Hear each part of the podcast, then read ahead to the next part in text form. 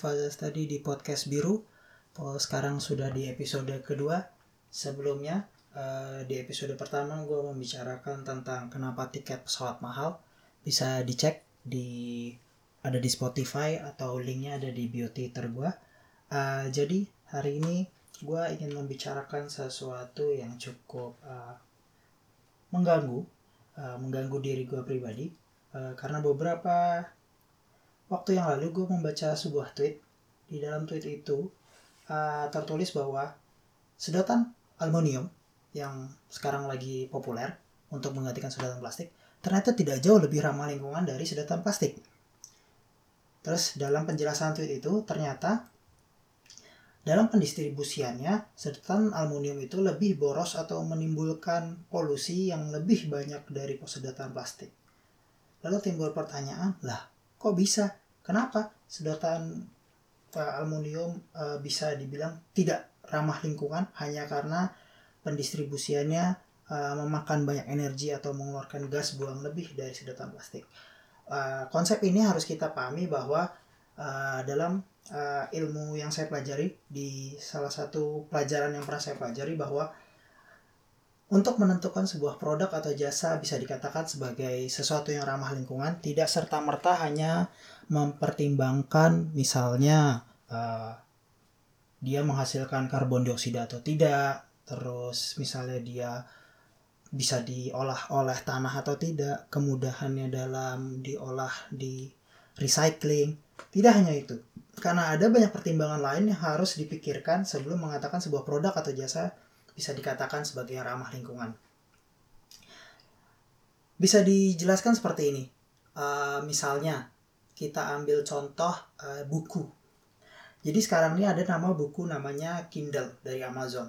Jadi buku itu berbentuk sebuah tablet, ukurannya mungkin seperempatnya iPad. Jadi itu sebuah tablet yang khusus hanya bisa digunakan dengan software Kindle untuk membaca buku-buku berbasis uh, elektronik. Jadi kita bisa membelinya secara online, lalu kita bisa mendownloadnya dari websitenya, dan kita bisa membacanya dengan tab itu yang sudah didesain uh, senyaman mungkin agar bisa dibaca di mana saja. Lalu orang akan berpikir bahwa dengan menggunakan tablet itu kita akan bisa mengurangi penggunaan kertas dan lain-lain, menyelamatkan pohon, mengurangi penggunaan uh, manu apa mengurangi penebangan hutan dan lain-lain. Tapi perlu kita sadari bahwa apakah memang benar-benar misalnya ala Kindle atau tablet ini benar-benar bisa dikatakan ramah lingkungan.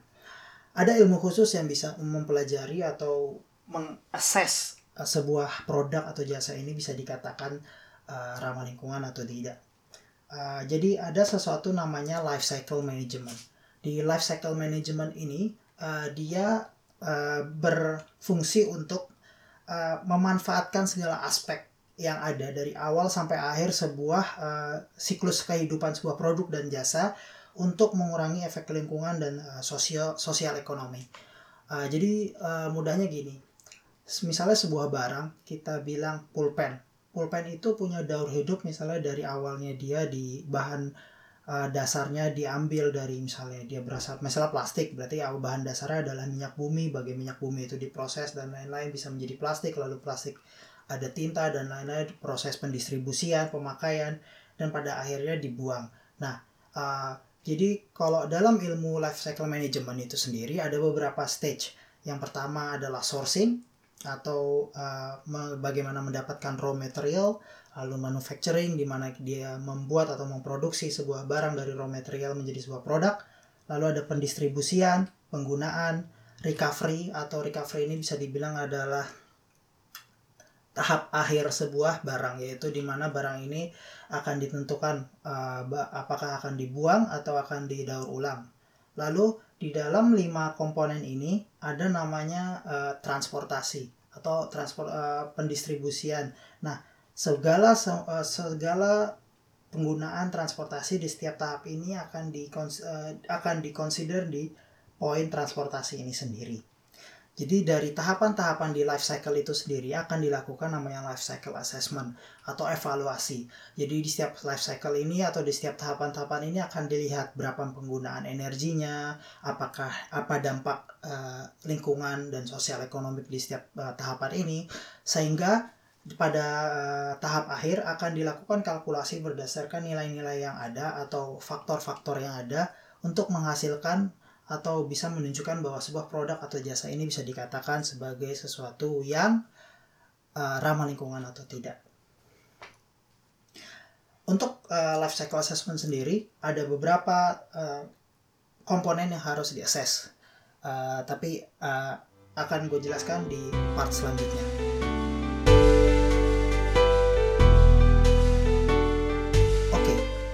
Jadi yang pertama ada menurut gue sesuatu yang yang paling penting dari life cycle assessment ini adalah life cycle energy. Life cycle energy ini adalah sebuah perhitungan di mana kita akan menghitung berapa banyak energi yang digunakan dalam tahapan-tahapan ini. Misalnya dalam uh, sourcing atau dalam mencari raw material.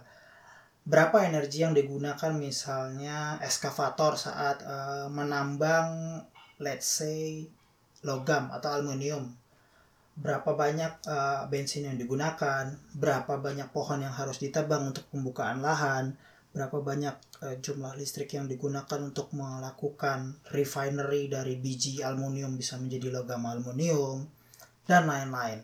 Nah, pada tahapan ini yang banyak orang lupakan sebelum mengatakan sesuatu itu ramah lingkungan atau tidak. Seperti yang kita ketahui, misalnya sebagai yang uh, yang saya baca di tweet adalah sedotan aluminium Sedotan aluminium berasal dari aluminium, yang di mana aluminium itu adalah sesuatu yang harus ditambang. Seperti yang kita tahu, industri pertambangan bukanlah industri yang bisa dikatakan ramah lingkungan, karena dia harus menebang pohon, melakukan uh, refinery yang uh, uh, yang termasuk di dalamnya ada uh, penggunaan bahan-bahan kimia dan penggunaan energi yang cukup tinggi. Sehingga untuk kita mengatakan, oh sedotan aluminium itu ramah lingkungan karena tidak menimbulkan sampah, itu adalah sebuah uh, judgement yang terlalu cepat. Karena ya harus kita sadari bahwa masalah ramah lingkungan ini bukan hanyalah masalah sampah, tapi masalah bagaimana sebuah produk dari awal sampai akhirnya ini benar-benar uh, ramah lingkungan atau tidak menimbulkan efek yang signifikan terhadap lingkungan itu sendiri. Selain di life cycle as, uh, energy, uh, energy assessment, ada lagi bagian bernamanya environment assessment. Nah, ini di mana kita mulai menghitung uh, penggunaan seperti misalnya produksi dari uh, greenhouse gases yang dihasilkan sebuah produk atau jasa, terus misalnya apakah produk itu bisa menimbulkan eutrophication atau misalnya menimbulkan acidification pada sumber mata air.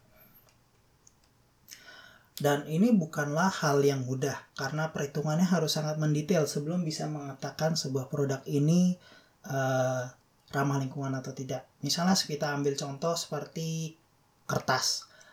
Uh, mungkin kita berpikir bahwa oh kertas ini uh, merusak lingkungan karena kita harus menebang pohon, terus membuat kertasnya dari pohon itu, jadi mengurangi jumlah pohon di dunia di bumi.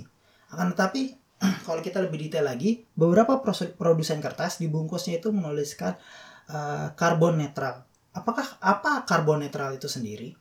Jadi dalam life cycle assessment ini ada beberapa komponen yang uh, menjadi perhatian mem, apa, mendapatkan perhatian khusus seperti misalnya uh, emisi karbon, terus uh, emisi sulfur dan emisi gas-gas uh, uh, beracun dan dalam biasanya dikategorikan sebagai NOx.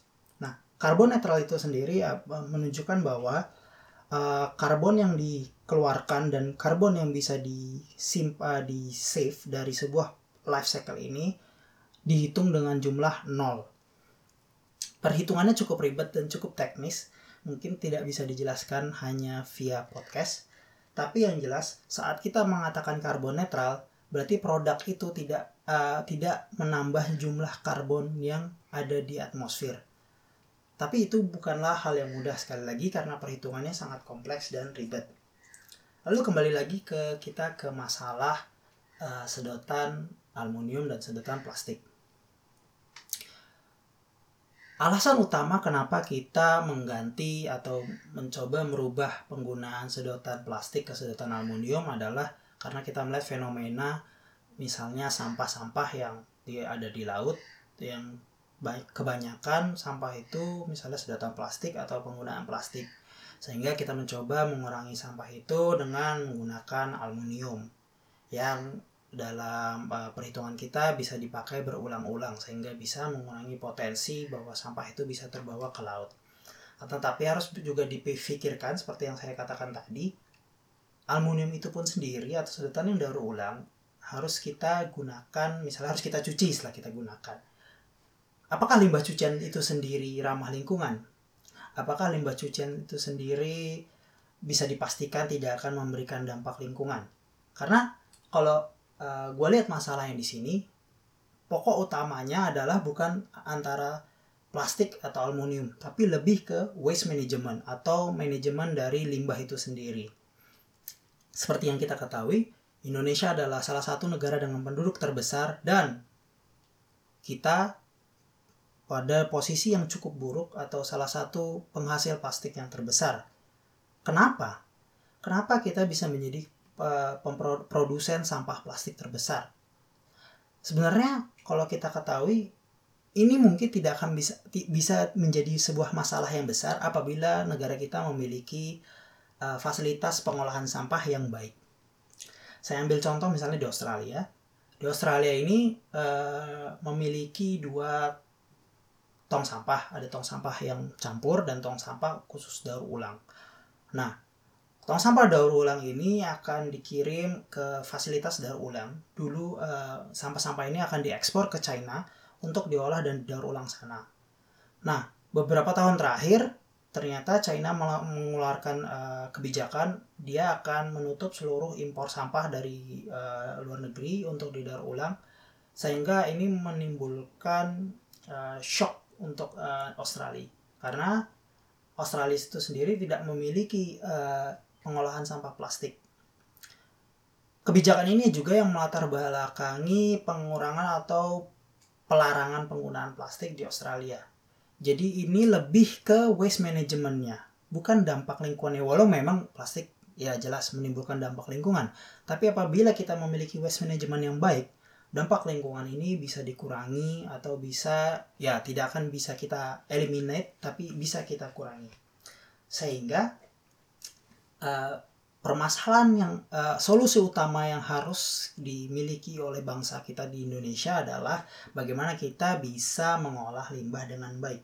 Karena ya, seperti kita ketahui dalam hukum konservasi energi kita tidak akan bisa menghilangkan misalnya plastik ini dari yang minyak bumi. Ya, ini sebuah keniscayaan bahwa kita pasti akan menghasilkan sampah.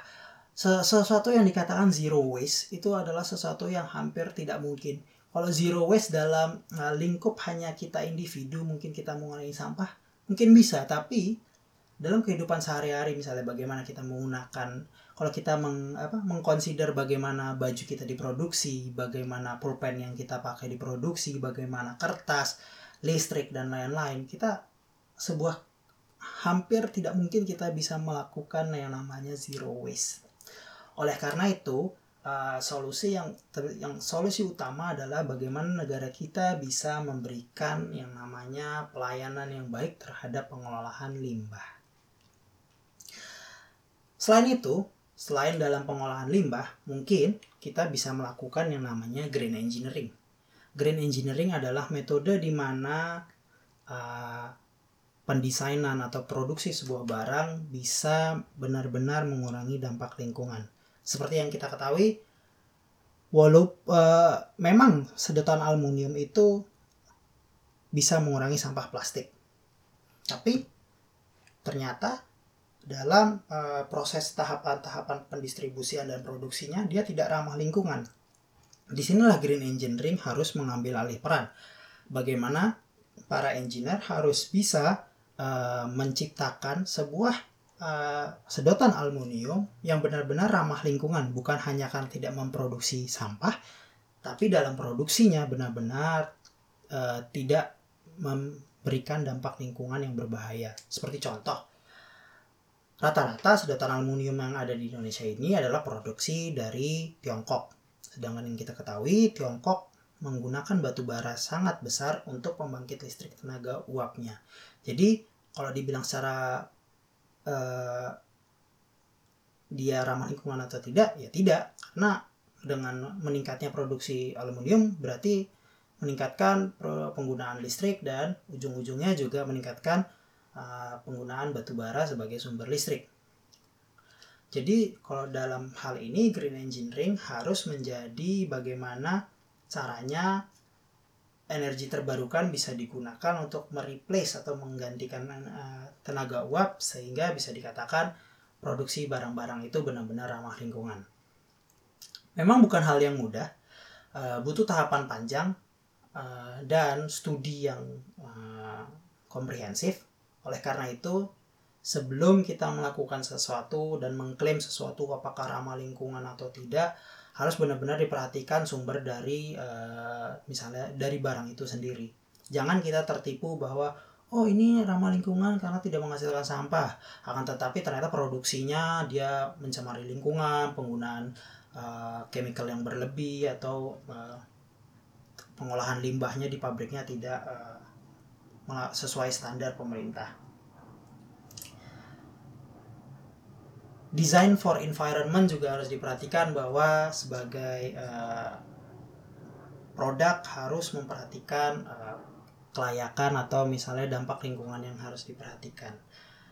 Oke, jadi itu aja mungkin di podcast hari ini nggak usah lama-lama. Sebagai statement penutup, gue pengen uh, memberikan sebuah quotes dari Sir David, Attenborough uh, tentang bagaimana kita memproteksi memproteksi bumi kita ini.